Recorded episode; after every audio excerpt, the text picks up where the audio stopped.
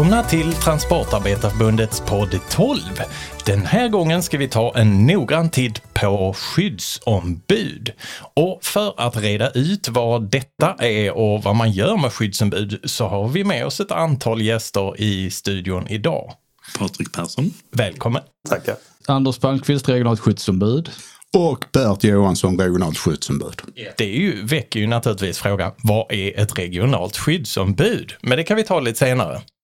Men den intrikata frågan är, vad är arbetsmiljö överhuvudtaget? Allt som påverkar en på arbetsplatsen. Eh, Inte bara det fysiska utan även eh, samspelet med kollegor. Ja, alltså det man kan lägga till där också, det handlar ju även också om, om eh, den sociala och organisatoriska eh, arbetsmiljön på arbetsplatsen där, där arbetsgivaren har ju ansvar. Och se till så att du har en god, trygg, säker arbetsmiljö. Så att eh, arbetsmiljö är ju väldigt mycket, det är alla faktorer som kan påverka din arbetsmiljö. Eller din hälsa ska vi kanske snarare säga. Ja, och det, det blir lite spännande nu eh, i coronatider. Jag menar, folk jobbar hemifrån.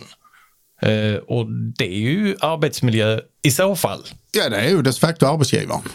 Arbetsgivaren ska se till så att den arbetsmiljön som du har hemma, att den fungerar för dig som arbetstagare.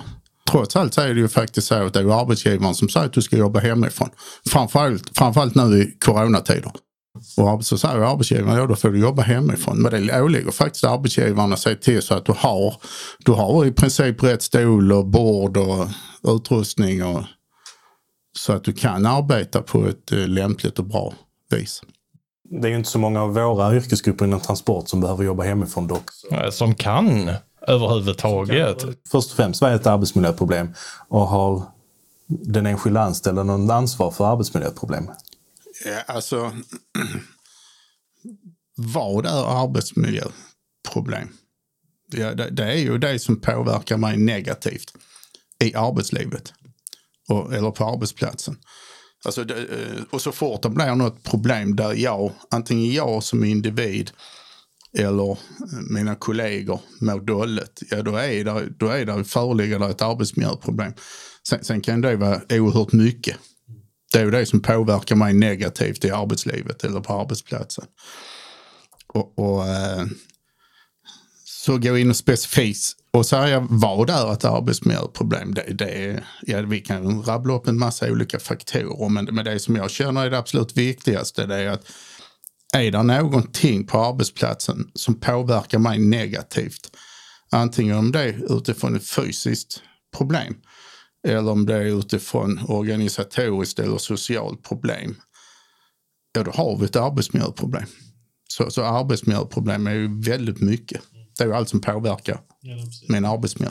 Ar- Arbetsmiljön är ju arbetsgivarens ansvar. Sen har du som individ ett ansvar att, att se till arbetsgivaren när du upptäcker ett arbetsmiljöproblem som du inte själva kan åtgärda. Men ansvaret, det är alltid arbetsgivaren när det gäller arbetsmiljön att åtgärda. Till exempel om man tar en handtryck. Handtrycken, eh, när du lyfter upp ett tag och sen när det kommer till översta läget så dunkar den bara rakt ner i marken igen. Så det är någonting som gör att den, eh, jag har varit med om detta på en eh, handtryck, du pumpar upp den och sen när det kommer till visst läge så bara är det som att man släpper ner den. Um, och den handtrycken, ska jag bara sätta den åt sidan och försöka hitta en ny eller vad ska jag göra? Eh, ska, ska jag gå in till arbetsgivaren och säga till att det är något fel på just den handtrycken eller bara gilla läget och köra vidare med den? Alltså det, det är ju så, har, har du som nu, du tar den här handtrucken, om inte den fungerar ska du ställa den till sidan. Sen ska du säga till arbetsgivaren eller närmste chef. Den är kass, jag måste ha en ny. För, för det, det man måste titta på där, det är vi- va, om inte den här handtrucken funkar på ett tillfredsställande vis. Vad kan det innebära för mig som, som individ? Kan jag komma till skada? Ja, det kan jag ju göra. Antingen om jag har fått upp den i högsta läget och börjar dra och sen så bara går den ner. Och, och, eh, och sen blir det tvärstopp. Ja, det kan ju innebära att jag drar ut ur axlar och armar och sånt. Det kan ju också vara det att jag har en kollega direkt i närheten som råkar ha foten under. Som får det här godset eller den här pallen på foten. Som därmed kommer till skada. Så svaret på egentligen din fråga det är ja på fråga, båda frågorna. Det säg till, lämna, ta en ny handtruck. Säg till arbetsgivaren, den funkar inte, den måste ni fixa till så att den funkar. Men, men faktum är, det här är ju jättevanligt. Alltså att man, man eh, som, som individ så märker man ju själv att nej, vad fan, detta funkar ju inte. Och ändå utför man de här arbetsuppgifterna. Trots att jag är väl medveten om att det kan skada min egen hälsa. Så försätter man sig i den situationen så att nej, det är denna gången här. Men, men jag, kan ju ta eh, min före detta kollega fick ju, fick ju ett samtal från en eh, eh, chaufför som skulle lossa en pall där som var eh, en tung pall. Jag kommer inte ihåg vad det var på den. Men det var en rätt så tung pall. Eh, och där som var singel. Och då eh, frågar den här chauffören, min, min förra, förra kollega, om eh, vad ska jag göra? Ja, sa han, ta med dig pallen tillbaka. För du kan ju inte dra en pall som kanske väger 5, 6, 7, 8, 900 kilo i singel. För då, då kommer du dra tur dig. Och vad händer? Jo, den här chauffören drog den här pallen och drog sönder axeln. Senorna i axeln. Så även om man får ett råd om att ta med dig pallen tillbaka, den är för tung, du kan inte dra den där. Så utför man den här arbetsuppgiften ändå. Och då drog man itu axeln, vilket innebär att det blir en väldigt lång sjukskrivning på dig. Och det, det är det här som är så oerhört otroligt att när man som individ vet om att om jag utför den här arbetsuppgiften så kan den ju skada mig själv. Så istället för att gå och säga till arbetsgivaren, jag kan inte utföra den här arbetsuppgiften på grund av arbetsmiljörisker. Så utför man arbetsuppgiften istället och därmed försätter man sig själv i en fara. Och det är det som vi alla måste se till att minimera den risken. Som Anders sa innan så är det alltid arbetsgivaren som har ansvaret för att vi har en god, trygg, säker arbetsmiljö. Men vi själva har ju också en stor skyldighet att påtala att eh, när det uppstår fel och brister. För vi har också en skyldighet som arbetstagare att följa arbetsmiljölagstiftningen på de arbetsplatser där det finns ett fungerande systematiskt arbetsmiljöarbete så fångar man ju upp de, eh, mycket av de problemen som kan uppstå och de problem som uppstår och se till att åtgärda, skriver in i eh, riskbedömer, skriver in en handlingsplan. Och det är, det är egentligen grunden för allt arbetsmiljöarbete. Ja, där nämnde du någonting, eh, det här med systematiskt arbetsmiljöarbete. Vad innebär det? Ja, det är eh, att man har ett system där man undersöker arbetsmiljön. Det kan ske genom skyddsronder exempelvis. Även på andra sätt. Det kan vara enkäter och eh, medarbetarundersökningar och eh, där man fångar upp arbetstagarnas, och det är även, även tillbudsrapporteringssystemet ingår i det här, där man fångar upp de problem som arbetstagarna ser och eh, lyfter. Eh, som arbetsgivare så kan du inte vara överallt hela tiden utan du behöver arbetstagarnas eh, input och eh, att de lyfter arbetsmiljöproblemen som de upplever i sin vardag. Men om vi nu tar Berts exempel här med chauffören som skulle köra en tung pall i singel. Vad är gången? Jag menar chauffören landar på plats, upptäcker att nej men det här är ju bekymmer. Va, vad gör han sen? I ett sånt här läge så ska ju egentligen den här eh, chauffören ska ju kontakta sin arbetsledning. Om det är transportledare eller vem det är. Alltså det är närmsta chef. Och påtala problemet. Eh, och förklara att jag kan inte utföra den här arbetsuppgiften med risk för att jag kan komma till skada. Då, då, är det ju den här närmsta chefen då som ska vidta åtgärder. Och då kan ju i det här fallet den här chefen komma med eller säga två saker. Ta med dig pallen tillbaka eller ställ pallen precis sidan om lyften. Det är egentligen de två eh, eh, heter, lösningarna som man kan använda sig av. Arbetstagaren, chauffören i detta fallet, kontaktar sin arbetsgivare, påtalar problemet och får eh, någon form av besked därifrån. Men om det beskedet kanske säger men, men kör i alla fall då? Vad gör man då? Då, då har du som individ skyldigheten att förklara för arbetsgivaren. Jag kan inte utföra den här arbetsuppgiften. För här, här eh, riskerar jag att komma till skada. Och det innebär oavsett vad chefen säger, om chefen skulle säga nej du ska leverera. Så får du ju förklara för chefen, det kan jag inte göra. Jag kommer ta med mig den här pallen eh, med mig tillbaka. För jag kan inte, jag kan inte leverera godset. Eller så får arbetsgivaren se till att skicka ut någon som kan hjälpa mig in med den här pallen. Och, och det vet vi om att det existerar inte att man gör. Både Bert och jag har haft de här samtalen där bokstavligt talat en person har trampat snett, trampat, gjort ett felsteg och det har förändrat hela livet. Eh, det har gjort att man har ramlat av exempelvis en, en, en, eh, bakgavellyft och, eh, och det har lett till operation och det har lett till att man inte kunnat fortsätta som chaufför. Eh, Det, det, är, det, är ett, det som man brukar säga, det är ett ögonblicksverk att, eh, att göra ett fel och det kan påverka hela ens liv. Så man ska, man ska alltid tänka på arbetsmiljön och, och försöka förebygga att, att man drabbas av någonting och att man har, man har både ett ansvar och en möjlighet att själv agera. Ja, och då kommer ju en annan fråga där. Ehm, Du sa både Bert och du själv hade varit med om sådana här historier. När kopplas ni in? För ni är ju trots allt regionala skyddsombud. Eh, Jag menar, hur ser, hur ser gången ut? Första instans är arbetsgivaren. Nästa instans är i så fall Skyddsombud. De som är lokala på företaget. Och nästa steg därefter blir? Ja, Bert och jag vi är ju regionala skyddsombud och vi, eh, vi är ju skyddsombud på de arbetsplatser inom vårt avtalsområde där det saknas lokala skyddsombud. Så att då är vi nästa instans. Så jag har någon mer övergripande funktion när det gäller arbetsmiljön. Ja, alltså, bland annat vår roll är ju att vara skyddsombuden behjälpliga och, och stötta skyddsombuden. Men det kan ju också innebära att har vi ett driftigt skyddsombud så kan ju den individen själv driva ett ärende via lagstiftningen då. Där, där man kräver åtgärder av arbetsgivaren. Att, att, eh, ja, att åtgärda hur arbetsgivaren ska åtgärda de här bristerna. Va? Det, det man, Anders var också inne på det här med att man ska systematiskt arbeta med arbetsmiljön.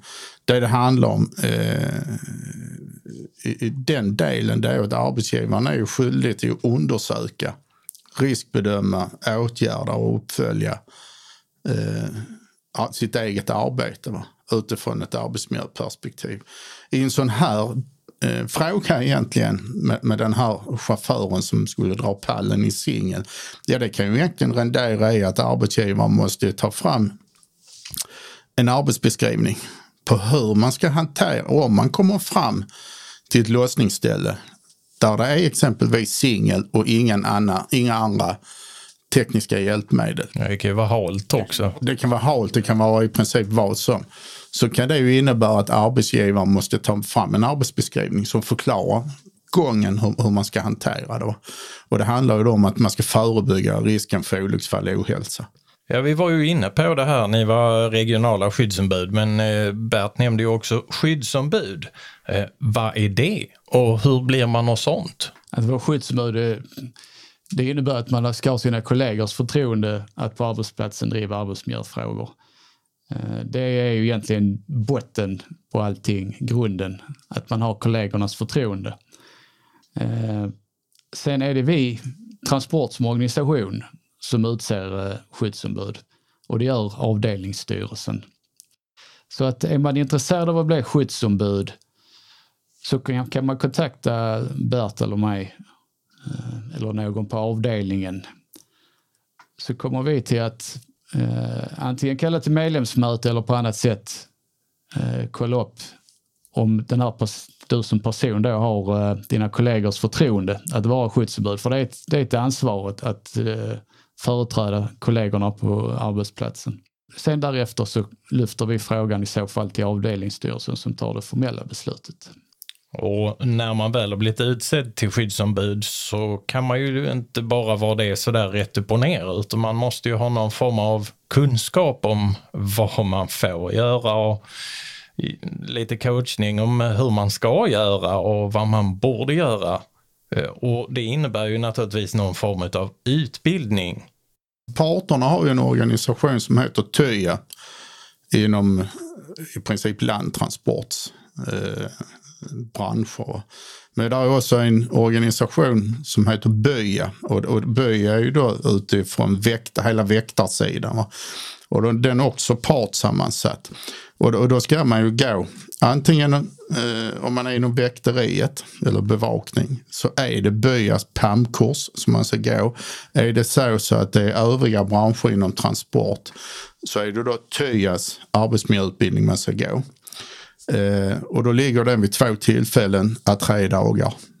Eh, och det är en gedigen utbildning och här är det både arbetsgivare och eh, skyddsombud som ska gå den här kursen. Och det är, det är en grundutbildning i arbetsmiljöfrågor.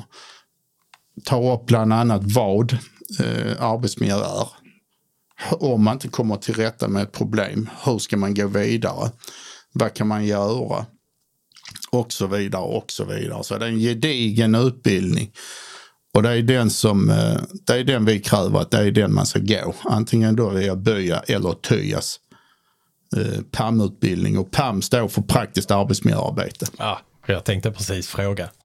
Vem är det som ser till så att man går på den här utbildningen eh, när man har blivit skyddsombud? Är det jag själv som, om jag har blivit skyddsombud nu, ska jag ringa till TYA och säga att jag vill gå en utbildning eller hur, hur hamnar man på en sån utbildning? Bra fråga Patrik. Ja, det, är, det, är, det är så att det är ju eh, man ska sätta, man, man, arbetsgivaren tillsammans med arbetsgivaren så, eh, så fort man är utsedd som skyddsombud så är det bara att gå in på eh, TYAs hemsida och anmäla, eh, anmäla sig till en PAMP-kurs. Eh, det gäller att vara ute i god tid. Många av kurserna blir snabbt fullbokade så att det är lika bra att så fort som möjligt sätta sig ner, boka in en kurs och eh, helst, som Bert så var inne på, att eh, arbetsgivare och skyddsombud tillsammans eh, går PAM-utbildningen. Det är en stor del av arbetsmiljöarbetet att kunna samverka och tillsammans lösa arbetsmiljöproblem. Att både arbetsgivare och skyddsombud kan lämna sin input och sina synpunkter och att man diskuterar fram en lösning på problemen. Ja, och, och då går man, om man jobbar inom bevakning och väktare, så är det BYAs hemsida man går in på och anmäler. Ja, och sen när man har gått den här PAMmen, jag menar man blir skyddsombud, eh, utsedd till sådant eh, och går sin PAM-utbildning, men sen då? Så fort man har blivit utsedd som skyddsombud och har gått sin PAM, eller ja, till och med innan man går PAM, eh, praktiska arbetsmiljöutbildningen, så eh, har vi ju lite andra krav på de här skyddsombuden eller andra fackliga förtroendeuppdrag. Det är att man ska gå vår startpunktsutbildning som är fyra timmar på en helg eller på en kväll här uppe på avdelningen. Sen eh, efter det så under sin första mandatperiod, man är ju utsedd i tre år i stöten som skyddsombud. Eh, det förnyas automatiskt eh, om man inte väljer att frånsäga sig sitt uppdrag. Och då eh, under den första perioden då så ska man ha så gott den som kallas för Vi i transport som är en femdagars utbildning. Eh, där man bor borta, har trevligt, lär sig eh, mycket om vad transport är. Man är inne lite på arbetsrätt, just med lagarna. Vi går inte in på avtal och sen lite, lite om arbetsmiljö. Så har man redan gått PAMmen så är det ju bara väldigt, väldigt det här är liksom basic repetition på eh, arbetsmiljö. Eh, vi tassar bara lite, lite på det för att den utbildningen är öppen för alla medlemmar. Sen finns det också inom transport, om du har varit skyddsombud ett tag och verkat som det, det vill säga att du har försökt driva ärenden på den här arbetsplatsen, så har vi en superutbildning som kallas för Dragen, som är en gång om året. Så är du skyddsombud och har gått PAM, praktisk arbetsmiljöutbildning, du har gått VIT, eh, VIT transportutbildningen och du vill ändå liksom lära dig mer så hör av dig till din avdelning för att eh, då kan du gå dragen också. Den är riktigt bra. Eh, Och den är bra just om man står stilla mot arbetsgivaren. Man vet inte hur man ska komma vidare i arbetsmiljöarbetet. Ja, men det är bra. Alltså, som man eh, vet är att blir man utsedd till eh, skyddsombud så blir man inte bara utsläppt efter att man har gått pammen utan det finns väldigt mycket mer bakom eh, system och stödfunktioner eh, och även vidareutbildningar naturligtvis. Om man nu är skyddsombud, vilka frågor kan man då driva på sin arbetsplats? Kanske lite slarvigt, man kan säga allt egentligen för att allting handlar ju om arbetsmiljö. Allt som påverkar eh, arbetstagarna på en arbetsplats. Så att eh, i princip så är det bara fantasin som sätter gränser. Så att det kan gälla allt ifrån att man driver frågor om att man vill ha fler mikrovågsugnar på arbetsplatsen till, som vi var inne på tidigare med Patrik, med att man vill ha nya truckar. Ja, och så här i coronatider så har väl eh, våra skyddsombud fått hur mycket som helst att göra och plocka fram skyddsutrustningar, eh, handsprit med mera, med mera. Ja, och eh, ja, och där är, kan man kan vi göra lite tillägg just när det gäller eh, coronafrågan. Där har väl Arbetsmiljöverket inte varit speciellt tydliga och jag har lagt skyddsstopp på två arbetsgivare där problemet inte är arbetsgivaren utan eh, uppdragsgivaren till de här två företagen som eh, har varit väldigt slappa när det gäller instruktioner. Eh, hur de här persontransporterna ska gå tillväga det har ju blivit ett helt nytt koncept det här. Jag menar det här att komma och lukta sprit på jobbet. Det är ju ett helt annat begrepp idag än vad det var innan corona. Ja, Trump han hade ju lösningen på problemet. Då skulle man väl injicera någon form av sprit i lungorna. Jag vet ja, inte. Nej, men det, det, man kan tänka, alltså om vi tittar på våra branscher hur det ser ut så har vi ju egentligen eh, tre stora eh, problem. Det ena är, eh, det är manuellt arbete, manuell hantering, det vill säga det här med belastning och ergonomi. Det är, det är en grupp som är, eh, där har vi stora problem idag. Vi har eh, även, eh, och det vet jag, det, har man, det är inte bara inom våra branscher utan det är väl i princip inom alla branscher idag eh, det är det här med stress. Eh, tittar vi lite grann på inom bevakning kanske, så, så, när man har rondering så ska man göra en helsikes massa på en väldigt kort tid. Vilket innebär att man, man, man hinner inte med. Arbetsgivaren vill ju att man ska utföra så mycket arbete som möjligt på så kort tid som möjligt. Och det, och det skapar en oerhörd stress.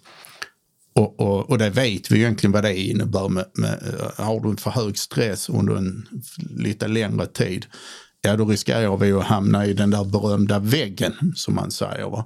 Eller eh, utmattningssyndromet. Och det, det, det, kan vi också säga att det tar väldigt, har man hamnat där tar det ju lång tid att komma tillbaka.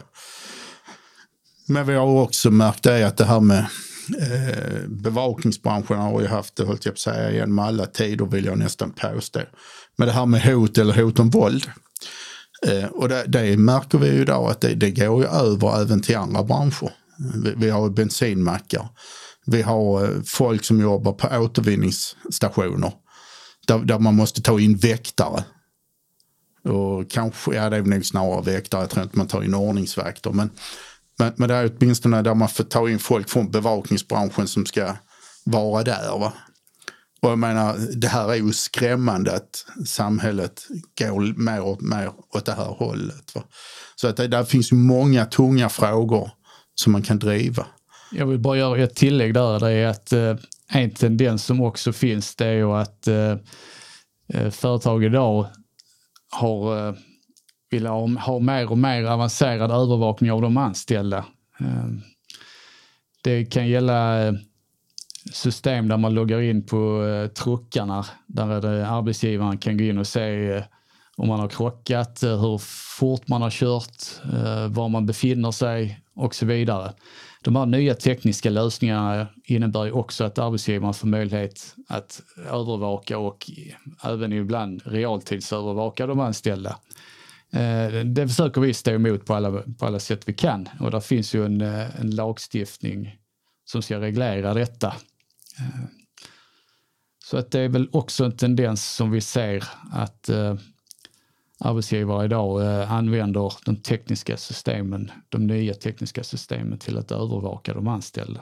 Och i slutändan stressar individerna ännu mer för att då kan man ju se hur länge trucken i det här fallet har stått still och om den har lyft någonting överhuvudtaget. Alltså kan man ju få det att påstå att arbetstagaren är lat eller liknande. Absolut. Det går ju att missbruka de här systemen. Eh, men när vi pratar om arbetsgivarna så är det ju alltid ett gott syfte att man vill ha övervakningen. Men vi vet ju att i många fall så är det ju inte därför man har de här systemen. Man vill i vanlig ordning eh, effektivisera, som det heter, eh, arbetsplatsen, det vill säga tjäna mer pengar på kortare tid. Det är ju inte det de brukar framföra till oss, utan det är ju att det är för arbetsmiljöns skull, det är för de anställdas egen, eget bästa. Det är ju väl de argumenten vi brukar höra, men sen vet vi ju vad som ligger bakom. Eh, när det gäller det här med truckövervakning så kan det vara att man vill hålla nere försäkringskostnaderna. Ehm, så är det. Det är ofta, ofta det ekonomiska som styr. Och den lagstiftningen som du är inne på där Anders, det är ju det här med GDPR. Va? Och, och, ehm, den, är ju, den är ju väldigt tydlig. Alltså, man, man kan ju inte bara samla in personuppgifter hur som helst. Utan det regleras i den här eh, lagstiftningen. Och där ska vi framförallt ska det ha varit ett tydligt syfte till varför man samlar in informationen. Va? Och, och det, där är ju vissa delar du inte får ha den här, eh, eller det, det, finns ju vissa delar som, som, som eh, du inte får lov att samla in personuppgifter om någon. Bland annat är det just utifrån det här att man ska väl se hur, hur man kan jobba fortare eller över, övervakning av vad man pysslar med och hur fort man jobbar och så vidare. Det ska finnas tydligt syfte med vad man ska ha den här, det här systemet till för att få lov att samla in uppgifter om någon. Va? Och, och eh, den, den, informationen man samlar in, ja den ska ju... Eh, har, man inte med, har man inte nytta av den här, eh, den här, de här uppgifterna, ja då ska ju de tas bort omedelbart. Va? Men här vet vi om att här slarvar arbetsgivarna ett kopiöst mycket. Va? Så att eh, och GDPR borde nog fler människor gå in och läsa om vad det, vad det handlar om. Sen eh, en personuppgift är ju allt som kan härledas till en individ. Så det är exempelvis om någon registrerar registreringsnumret för bilar så går det att härleda till en fysisk person. Så det är en, ett insamlande av en personuppgift. Så att eh, det är många arbetsgivare, de, de vet inte riktigt hur de ska hantera de här frågorna och och eh, de tror kanske att de följer GDPR-lagstiftningen men eh, ofta så ser vi att det slarvas. Eh, det man ska tänka på är att det räcker inte för en arbetsgivare att en anställd skriver under ett samtycke till att eh, samla in personuppgifter. En arbetstagare står i beroendeställning till en arbetsgivare så att en sådan underskrift har i princip inget värde. Du menar att man kan känna sig tvingad att skriva på det här samtycket så att säga för Absolut. att man just är i beroendeställning? Absolut. Och det, det, det som är intressant det Anders tar upp och, så det, och det, det, här får vi ju höra ganska så ofta. Ja, ja, men det är ju inte samma chaufför som sitter på den här bilen.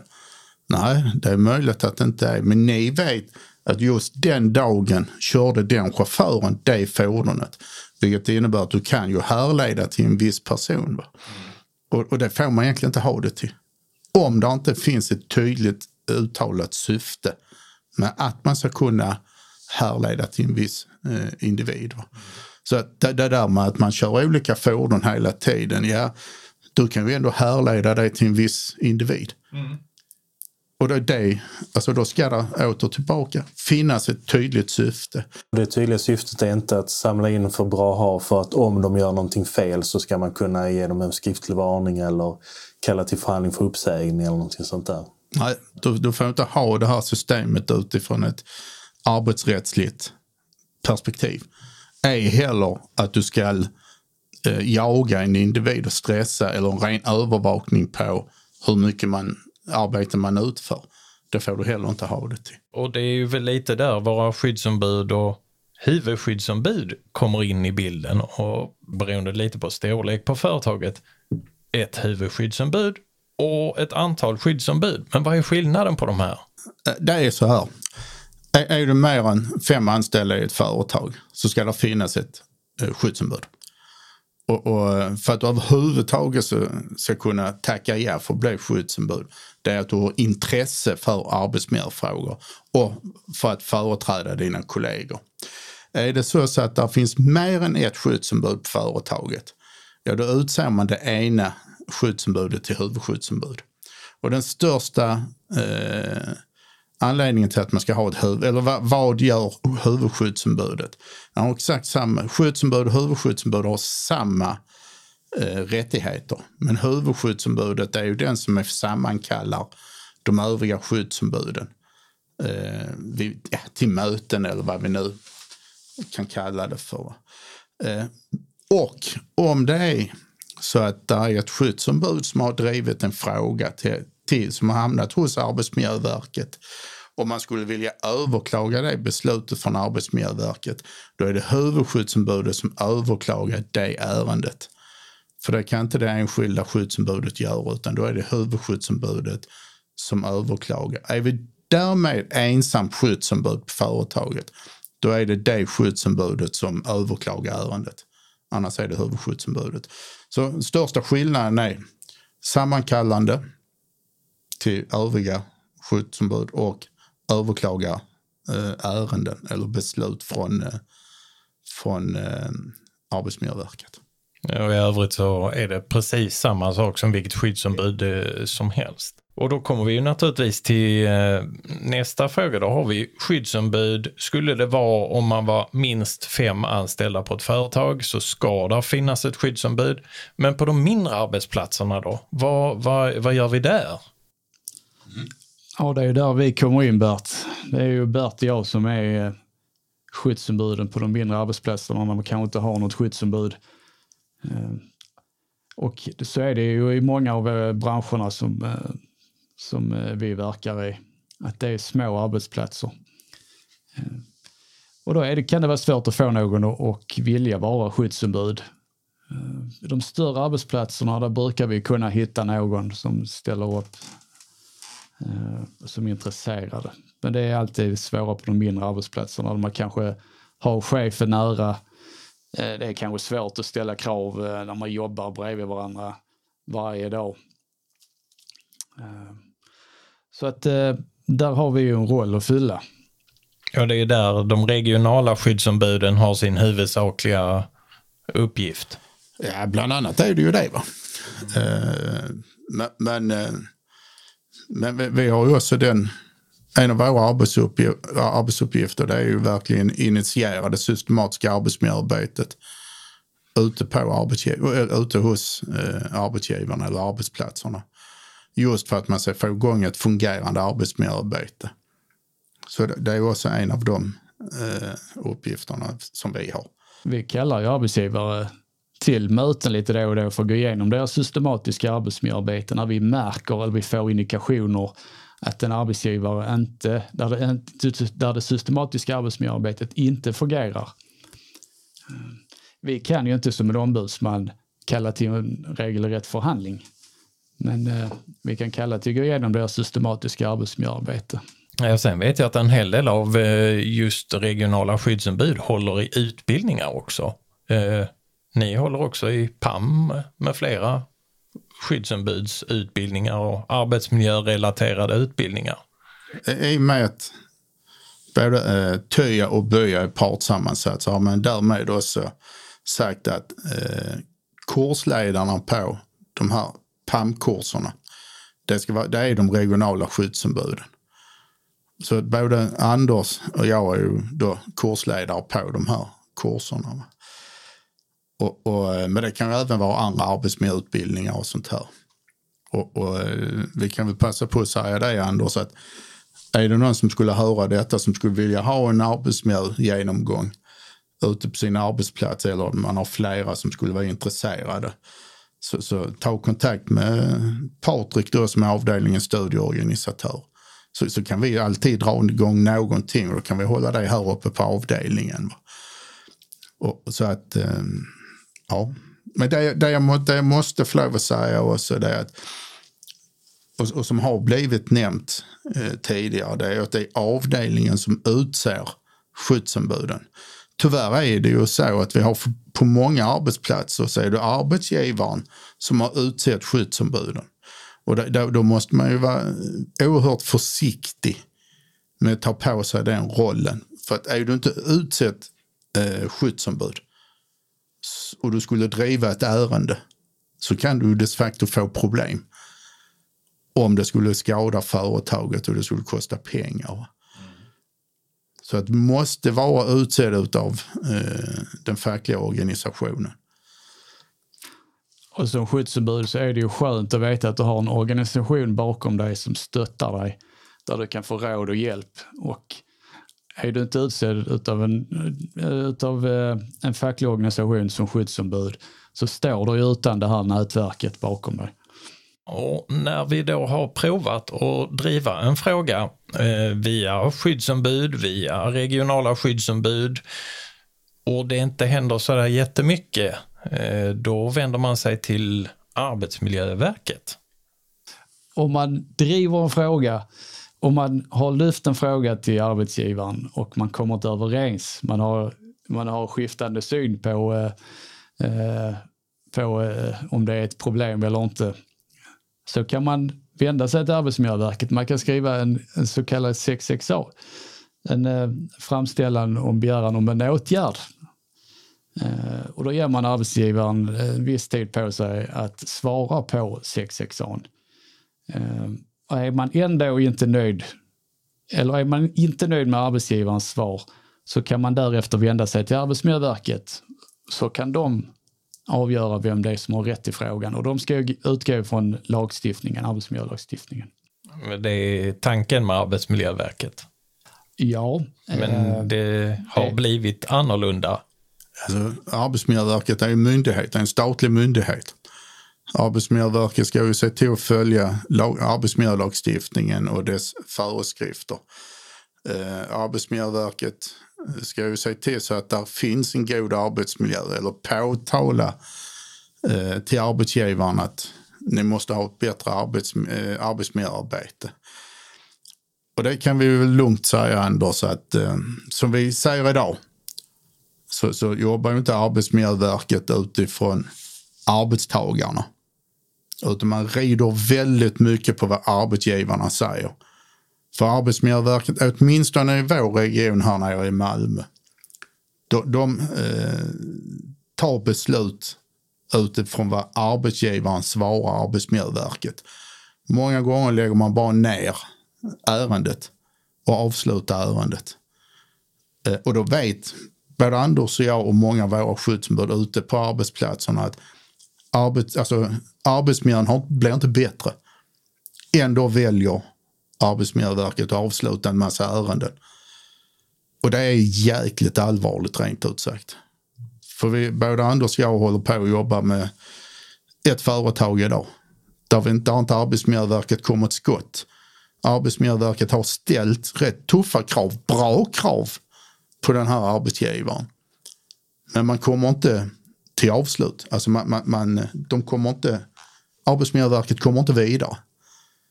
Utan det här hänger lite grann i luften. Och för att vi ska kunna jobba med de här frågorna så måste vi se till att ha ett underlag om vilket beslut Arbetsmiljöverket har tagit. Och det, det finns inte. Det har man, man har inte tagit det beslutet. Man har ställt krav, men sen har man inte gjort mer. Man måste ju till uppföljningar och, och hela den här biten också för att man ska kunna få igång någonting. Va?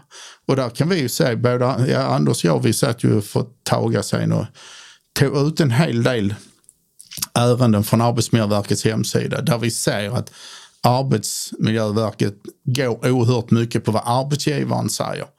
Och sen tar man inte hänsyn till arbetstagarna som då är de som får jobba i en dålig arbetsmiljö. Och detta är ju allvarligt. Och det, det men Arbetsmiljöverket har den rollen att se till att tolka lagstiftningen så att det finns en god, trygg, säker arbetsmiljö ute på arbetsplatserna. Tyvärr har det ju visat sig och det har ju blottlagts av eh, det här senaste där eh, Kommunal hölls utanför eh, överläggningarna som Arbetsmiljöverket hade med bland annat då svenska kommuner och regioner som är en arbetsgivarorganisation. Det är, alltså, man har lyssnat på ett särintresse och inte brytt sig om arbetstagarnas företrädare.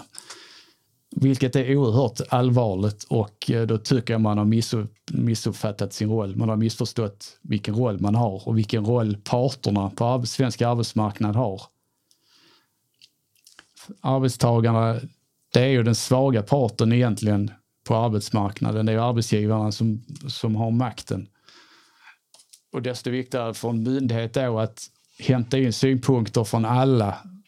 Det ingår i deras uppdrag och deras roll att, att även att, att egentligen bara utgå från eh, lagstiftningen. Eh, vi har ju sett det här under en längre tid, bland annat när det gäller TMA-fordonen där man plötsligt inte, från att vara ett generellt beslut, kunde man inte ha det som ett generellt beslut. Så att idag ska det riskbedömas varje enskild gång ett TMA-fordon åker, ska åka ut eller inte. Det var eh, samma sak när det gäller eh, dubbelbemanning vid värdetransporter. Där gick man ifrån, nu, eh, sen räckte det plötsligt med att ha kroppsburen kamera. Eh, och det har visat sig så här gång på gång att det är kapitalet som går före eh, arbetstagarnas eh, hälsa och väl. Och det tycker jag är väldigt allvarligt. Ja, och för de som inte känner till, vad är ett TMA-fordon? Det är ett väldigt långt fordon som eh, åker ut vid exempelvis en bärgning. Eh, du, du menar det är de här fordon man ser ibland med, med pilar som visar och stänger av eh, delar av körfälten? Exakt, för att undvika trafikolyckor. Alltså det, det, det är en lastbil med en stor eh, krockkudde bak till. Och precis som du säger Kenneth, så man ser ju alla de här vid vägarbeten och sånt här. Va? Och oftast är de kanske två, till och med tre. Ja, om det är motorväg och många motorväg. filer. Ja, ja precis. Ja. Och det, det, här handlar det, det, här handlar om ren säkerhet för den personalen som jobbar på väg. Va? Eh, vad, vad det gäller just eh, eh bilbärgarna. Så efter att Arbetsmiljöverket hade vänt i den här frågan, alltså då krav på TMA-fordon för bilbärgare. Så efter att verket hade ändrat sig och dragit tillbaka sitt beslut så skedde en oerhört allvarlig olycka, jag tror det var uppe i Dalarna. Där det är just en bilbärgare som kör rakt in i, i, i fordonet där, där bilbärgaren jobbar. Va? Och han blev oerhört allvarligt skadad. Och, och, eh, och det är då också en sån konstig grej. Va? vad Arbetsmiljöverket håller på med. Va? Ja, nej, och vi kan ju tänka vad som kommer att hända sen nu efterhand som de här coronarestriktionerna släpper. Om nu för arbetsmiljön kommer ju definitivt att vara hotad eftersom företagen de har ju legat i sparlåga nu ett tag under hela krisen och fortfarande gör. Men för att få igång verksamheten igen så skulle jag ju gissa att då blir det avkall på arbetsmiljön. Det är, det är väl en risk man kan se. Sen när det gäller Arbetsmiljöverket och deras ovilja till att ta generella beslut så skulle jag vilja tillägga att man har ju själva tagit ett beslut om att man gör inga fysiska inspektioner eh, nu under covid-19-eran. Eh, och då undrar jag, är inte det ett generellt beslut? Det man säger att man inte kan ta, för mig vetligen så har man inte gjort någon riskbedömning innan eh, på varje enskild inspektion. Utan man går ut och säger bara helt rakt av att vi gör inga fysiska inspektioner. Och då undrar jag var, var backar man upp det någonstans? För att, eh, vad heter det? Eh, Folkhälsoinstitutet har inte gått ut med sådana riktlinjer att man inte ska ha möten eller sånt där, utan man ska undvika onödiga kontakter. Folksamlingar under 50, alltså max 49 personer. Eh, två meters säkerhetsavstånd och sånt där. Vilket är du, har du ditt myndighetsutförande där du ska ut och göra inspektioner på arbetsplatser. Det är ju inga konstigheter att, i min värld att gå ut, hålla två meters avstånd. Man behöver inte gå fram och ta i hand på, eh, som arbetsmiljöinspektör ta i hand och gå liksom kloss in på arbetsgivare eller någon annan som är på arbetsplatsen utan följ restriktionerna och det är ingenting som säger att man inte ska kunna utföra myndighetsuppdrag. Det man även har sagt och eh, det var ju Bert som fick det samtalet att eh, om vi skulle lägga ett stopp, då häver man det stoppet över telefon. Då kommer man inte ut och gör som man ska, det vill säga att man gör en, en visuell besiktning och eh, bildar sig en uppfattning om eh, vad det är som ligger bakom stoppet, om man ska häva det eller inte. Utan man häver det helt frankt över telefon. Och, och, och ett stopp är ju när man stoppar arbet, arbetet vid omedelbar fara för liv och hälsa. Ja. Så med andra ord så leker de med liven. Det skulle jag väl vilja hävda, att eh, då tar man inte sitt ansvar. Nej. Angående arbetsmiljön ute nu, eh, kan man se liksom, ja, nu med covid ser man ju vissa tendenser när det gäller i olika branscher och sånt där. Men hur ser det ut eh, även politiskt med tendenser med arbetsmiljön? Vi har ju sett att eh, just nu förekommer attacker på just mot oss, vår roll som regionala skyddsombud. Där det finns partier som vill avskaffa oss och ersätta oss med eh, vad de kallar oberoende inspektörer som väl då förmodligen ska åka ut och dricka lite kaffe med företagen. Och, eh, för de har ju inte, en oberoende inspektör, de har ju inte vår, vi får ju hela tiden information från skyddsombud och medlemmar hur det ser ut ute på företagen. Vi känner ju till arbetsgivarna. Vi har ju mycket information som ingen annan har.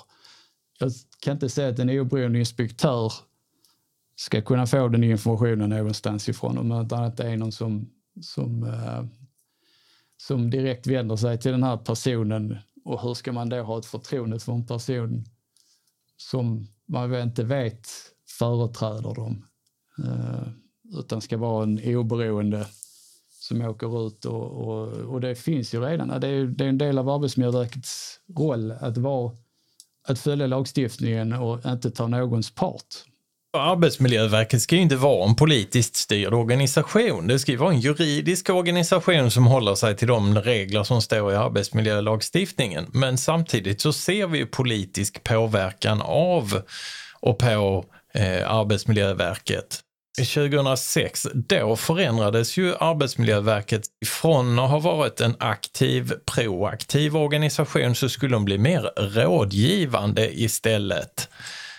Och i och med det så kickade man ut en himla massa arbetsmiljöinspektörer. Ja, och eh, det var mycket kompetens som försvann.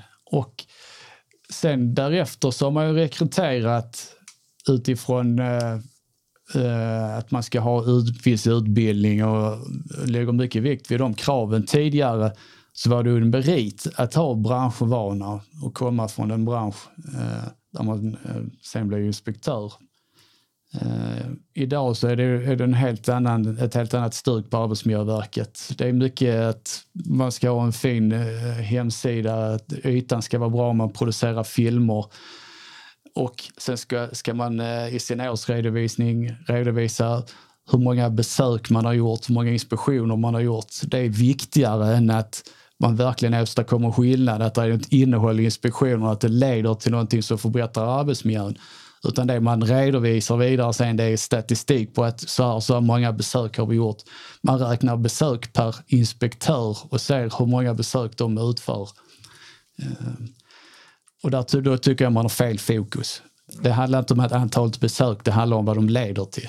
Det är ju ungefär som polisen och deras så kallade pinjakt Exakt. som de eh, låg inne med Exakt. ett tag. Bara för att någon rent statistiskt skulle kunna påvisa att jo men vi gör något. Mm.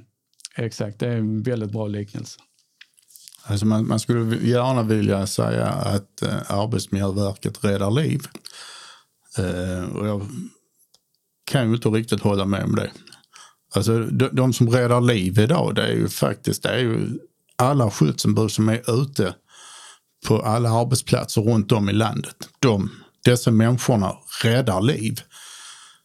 Och, och, eh, och det, det, måste man nog ha lite grann med sig, om, med sig också. Att hade det inte varit för alla dessa skyddsombud, oavsett vilken tillhörighet man har inom någon organisation eller vilken bransch man jobbar i. Men hade det inte varit för alla dessa skyddsombuden som har drivit ärende, påtalat fel och brister, så hade vi haft ett ännu högre dödstal ute på arbetsplatserna. Och, vi, och då, då är, visst, det kan låta hemskt när man säger att det är många som dör. Men så är det ju. Alltså dödstalen ute i, i arbetslivet sjunker ju inte. Den ligger antingen ligger den konstant som de gjort den senaste åren eller så till och med ökar den upp. Men alla de som blir allvarligt skadade då? Vem är, vem är det som är med och försöker förebygga dessa? Är det Arbetsmiljöverket? Nej, det är det inte. Det är våra skyddsombud. Det är våra skyddsombud oavsett var någonstans i landet och vilka branscher man jobbar i så är det dess facto skyddsombudet som gör ett fantastiskt bra arbete ute.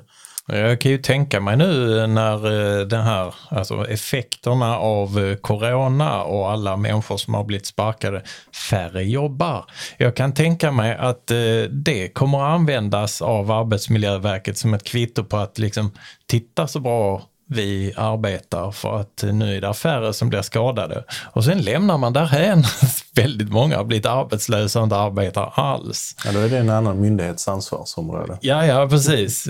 Så, så kan man putsa på sin statistik och så, ah, titta, här blir det jättebra. Varför att nu, nu är det nästan inga skadade, fast det är bara två personer i hela landet som jobbar. Va? Så det... det jag är livrädd för nu.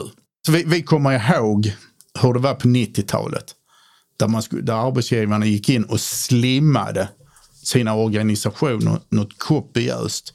Och vad har det renderat i? Jo, 15 år senare så sticker sjuktalet iväg. Fler och fler människor är så pass skadade så att de kan inte ens komma tillbaka till arbetsmarknaden. Och det här handlar ju dess facto om att man slimmade på 90-talet och hela den här krisen som kom. Då skulle man ha så fåtal anställda som möjligt. Och jag säger, jag är tyvärr rädd att nu, nu kommer det här ske igen. När, man, när, när den här eh, pandemin är över och man ska börja anställa folk igen så kommer man inte anställa lika många som man var innan pandemin. Det kommer nu är det ju jävligt hypotetiskt alltså.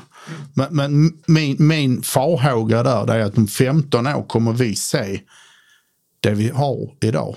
Nämligen oerhört många som är utarbetade som är, har förslitningsskador, belastningsskador och så vidare. För man, man ska inte tro bara för att man slimmar en organisation idag att man kommer eh, bli sjuk imorgon. För så är det inte. Det kommer gå rätt många år innan man kommer märka av att sjuktalen börjar eskalera igen. Och det är, jag, det är jag jätterädd för. Tidigare så fanns det ju ofta en möjlighet att omplacera en person inom företaget till exempelvis, till, till exempelvis en, eh, en vaktmästartjänst. Idag så ligger ofta de här tjänsterna ute på entreprenad, man har slimmat sin organisation och man har eh, ingen tjänst att, att omplacera någon till. En sak som jag tittade vidare på det var just det här med skjuttalet. Eh, hur många som blir eh, skjutna på gator och torg jämt mot statistiken hur många som dör i arbetsplatsolyckor. På grund av att eh, mediaintresset eh, är mycket högre än när det gäller gängskjutningar och sånt där. Du läste det för två år sedan så läste du varje dag, varje dag, varje dag och det året 2018 så var det, ja, jag kommer inte exakt ihåg hur många det var, men du hade nästan det dubbla arbetsplatsdödsolyckor och det läste man knappt någonting om. Och det tycker jag är så skrämmande att, man har, att det har blivit så normaliserat med att folk dör på arbetsplatsen. Ja, det händer. Och sen är det ändå många fler som gör det än av, som drabbas av gängskjutningar. Du, du är helt rätt på det där Patrik. Och, och, och det är ju här man kan se hur Arbetsmiljöverket jobbar. Alltså, vi ska ha klart för oss att oavsett vad alla andra människor säger. Alltså det är de här fina politiker och det är myndigheter och eh, vad det nu än är. Som, som menar att vi måste börja prioritera arbetsmiljöarbetet. Vi måste ställa högre krav. Och då går man in och ställer högre krav på, på Arbetsmiljöverket på att nej, ni ska inte driva några ärenden. Ni ska informera. Alltså ni är en informationsmyndighet idag. Va? Och det är, det är ju alltså, det är så tokigt som det bara kan bli. För om man inte börjar att ställa krav på en myndighet på att man ska förbättra och se till så att man följer lagstiftningen. Ja, hur ska man komma bort ifrån eh, de här... Alltså varje dödsfall idag är ett onödigt dödsfall. Varje olycka, allvarlig olycka, är en onödig olycka.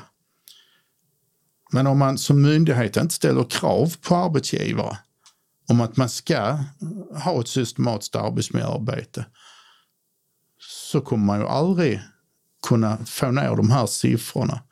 Alltså för mig, det här är en prioriteringsfråga. Och det är precis som du säger Patrik, att det dör fler människor på arbetsplatsen än som blir mördade ute i hela landet. Och det, det är, ju, det är ju allvarligt ju. Men bara för att det är någon som springer omkring och skjuter, vilket är helt vansinnigt, så, så, så är det ju bättre nyhetsstoff än, än, som att det är någon som dör på sin arbetsplats. Ja, jag tycker det är skrämmande. Det är skrämmande. Sen, men sen, vi, vi, sitter nu och kan jag känna lite grann att, att man, man eh, kanske klankar ner på generellt sett på arbetsgivarna. Men, men, det är ju egentligen inte det det handlar om för vi har jättemånga bra arbetsgivare som verkligen försöker sköta sig och göra ett jättebra arbete. Både Anders och jag blev kontaktade av många arbetsgivare som vill ha hjälp med sitt arbetsmiljöarbete och det tycker jag, det är ju dessa arbetsgivare man ska lyfta.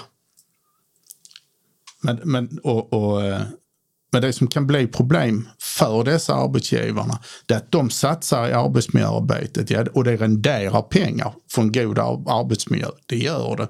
Bland annat genom lägre sjuktal, genom eh, lägre eh, personalomsättning bland annat. Högre kvalitet för då bibehåller man kompetensen i företaget och så vidare och så vidare. Men de här företagen som inte har en god arbetsmiljö, alltså här, här blev konkurrens på olika villkor. Och det är ju skrämmande. Och utifrån mitt sätt att se det, och det tror jag faktiskt vi är överens om allihopa, att man kan inte konkurrera om arbetsmiljön. Problemet är ju att utifrån hur Arbetsmiljöverket agerar idag så accepterar de att man har en sämre arbetsmiljö. Och det, är alltså, och det får man aldrig någonsin konkurrera om. Man får inte konkurrera om ohälsan i arbetslivet idag. Och ska definitivt inte göra det. Nej, och det är frustrerande för de arbetsgivare som sköter sig och de kan ju säga till oss att äh, här sköter jag mig, lägger ner tid, energi och arbete på att ha en god arbetsmiljö. Så har jag en konkurrent sidan om här som bara skiter i allting. Det är oerhört tragiskt att höra och det är ju det vi vill komma till rätta med. Och det är ju just där som tanken var att Arbetsmiljöverket skulle gå in och stoppa det här oseriösa företaget. Men så är det ju kanske inte riktigt. Nej, Nej och eh, det, det är ju tråkigt att sitta här och diskutera Arbetsmiljöverket hela tiden och att de inte gör det vi förväntar oss.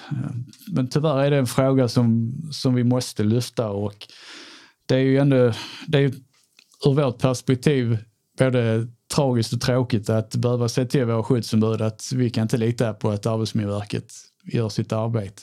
Nej, det är ju nästan så att vi vågar ju knappt driva något ärende till Arbetsmiljöverket. För att då får man ett negativt avgörande. Ja, tveklöst. Som eh, går i ekonomins eh, fotspår åtminstone den kortsiktiga ekonomin. Bra arbetsmiljöarbete leder till långsiktighet.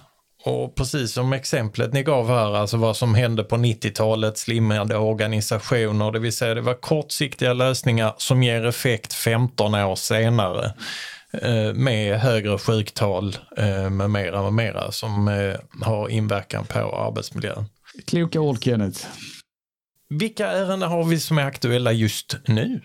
Och då har vi ett ärende där Anders som, som eh, du har hållit på med, det är väl över ett år nu va?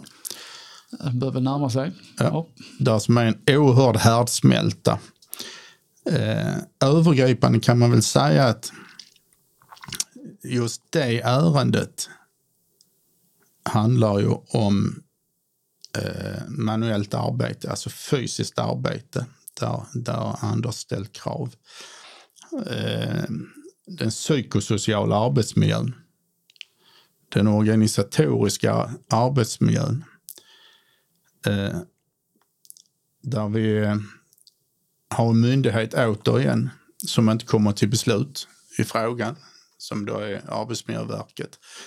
Där vi har eh, eh, personal på det här företaget som har sagt till skyddsombuden att lägg ner, vi går gärna tillbaka och jobbar under slavliknande villkor. Där jag själv läste på text som där personal skickar till skyddsombuden. Eh, och var vi kommer landa vet vi inte. Men, men jag tycker ändå Anders, du kan väl fylla i. Ja, och det är som Bert säger, det handlar mycket om den fysiska arbetsmiljön. Man har eh, en arbetsmiljö som man inte trodde fanns 2020 i Sverige. Man saknar eh, hjälpmedel. Man har inte tillräckligt med utrymme. Man, man, har, man har inte möjlighet att utföra det fysiska arbetet på ett för kroppen sunt sätt. Det är en eh, tuff arbetsmiljö där inte minst våra skyddsombud eh, har fått kämpa och kämpar. Och nu har ju även många arbetstagarna vänt sig mot skyddsombuden för att det inte har hänt någonting, vilket inte är deras fel utan det är Arbetsmiljöverkets fel att det har dragit ut på tiden. Vi vill ju ha ett beslut. Har vi bara ett beslut så har vi, något, har vi ett underlag till att eventuellt då överklaga beslutet. Man kan säga att det har gått så långt också så att till och med arbetsgivaren eh, har gått ut och sagt till, till jag får mig det var till våra skyddsombud, att eh, vill ni ha tillbaka full arbetstid igen? För man har dragit ner på arbetstiden bland annat. Eh, och vill ni gå tillbaka och jobba full tid igen som ni jobbade innan så, så, så antingen lägger ni ner ert arbetsmiljöarbete eller så slutar ni. För vi kommer fortsätta att dra ner på arbetstiden tills det att eh, ni lägger ner eller slutar. Så man vill hel, eh, helt enkelt kväsa skyddsombuden. Ja. Och i den kväsningen hjälper Arbetsmiljöverket till nästan genom att dra ut på sina beslut. Ja, både Anders och jag vi blev lite tjuriga på just det här ärendet förra veckan där vi mail, mejlade till eh, ja, vad är han, regionchef eller vad man ska kalla det för på, på Arbetsmiljöverket. Där vi hotade med att eh, JO-anmäla Arbetsmiljöverket och inspektör. Och, och var det en kvart, 20 minuter efter det så ringde chefen från Arbetsmiljöverket här i Malmö till oss. Och då fick vi förklara att ni måste fan komma till något form av beslut. Ja, annars har vi alltid förvaltningsdomstolen som eh, tydligen arbetsgivaren har börjat använda sig av för att eh, överklaga Arbetsmiljöverkets beslut i olika frågor. Och det är också en, och det är därför både Anders och jag menar att ta ett beslut och vi får det på pränt. Går det emot arbetstagarna så kommer vi överklaga. Vi kommer överklaga alla ärenden som vi anser är åt helsike. Och då kommer vi överklaga till förvaltningsrätten. Och eventuellt börja JO-anmäla Arbetsmiljöverket för att de inte själv följer lagstiftningen. Vi, vi, vi kan vara ärliga och säga att vi har en del inspektörer som vi har träffat som har ställer bra krav mot arbetsgivaren. Och då, då ska vi, också, vi ska vara ärliga och säga att nu, alltså, nu snackar vi en arbetsgivare i detta fallet som är oerhört oseriös. Det, det, det måste vi ju säga. Va? Ehm, men, men där, där eh, inspektören har ställt bra krav och rimliga krav på arbetsgivaren. Men det, det vi är rädda för det är att juristerna på Arbetsmiljöverket kommer backa i, i, och, och inte hålla med inspektörerna. För juristerna kommer att tolka lagstiftningen på ett helt annat sätt än vad vi vanliga döingar gör. Va? Och det kommer då rendera troligtvis i, nu går händelserna i förväg och jag hoppas att jag har jäkligt fel. Att, eh, och det kommer då troligtvis innebära att arbetstagarna som är på den här arbetsplatsen kommer må fortsatt dåligt. Ett tillägg man kan göra är att eh, när det gäller det här företaget så har ju skyddsombud på andra ställen i landet där företaget är verksamt drivet just eh, ärenden när det gäller den manuella hanteringen och den fysiska belastningen. Eh, där har det dragit ut så mycket på tiden. Det drar ut två år på tiden så att Arbetsmiljöverket till slut konstaterar att det har dragit ut alldeles för mycket på tiden och eh, helt enkelt eh, la ner ärendet. Det här borde varit avgjort för länge sedan. Tar man ett beslut så gäller det företaget i hela landet. Och att man har dragit ut på det så mycket på tiden i Göteborg då har vi ju känslan att det är det, vad som håller på att hända här nere när det snart har gått ett år sedan vi började driva ärendet på det här företaget. Eh, det är ju skrämmande om det skulle vara så. Ingen ljus framtid för arbetsmiljön med andra ord. Någonting vi får se upp med. Ja, och just det här ärendet. Eh, ja, och andra ärenden kommer vi till att återkomma med i framtida poddar hur det går för er. Sen ska man väl kanske inte säga att det är ingen ljus framtid för arbetsmiljön, utan vi måste ju kämpa för en god arbetsmiljö. Och det gäller allt från lokala till regionala skyddsombud. Det har varit en kamp en gång i tiden för att få till stånd den arbetsmiljölagstiftning och de rättigheter som skyddsombud har ute på arbetsplatserna idag. Och är det då så att det finns politiska partier som vill förändra det här, då får man ju stå emot. Då får man ju kämpa för att behålla de rättigheter man har och helst även utveckla dem. Vi ska ju vara ett kampförbund, Transportarbetarförbundet, och det är bara att, att köra på. Man, man, kan väl säga som så här, att eh, vägra stå med mössan i hand. Alltså påtala fel och brister, acceptera inte allt det arbetsgivaren säger. Utan måste, alltså, man måste börja driva frågor, man måste börja driva en god arbetsmiljö så att vi får en god arbetsmiljö. Så vägra stå med mössan i hand. Kloka ord. Och med det tackar podd 12. Då tackar vi för Bert eh, Johansson och Anders Palmqvist, där på avdelning 12. Patrik som är studieångestföretör, det vill säga jag. Och så har vi vår ciceron som har ledsagat oss igenom dagen här. Vi tackar för oss. Tack och hej. Tack ska ni ha.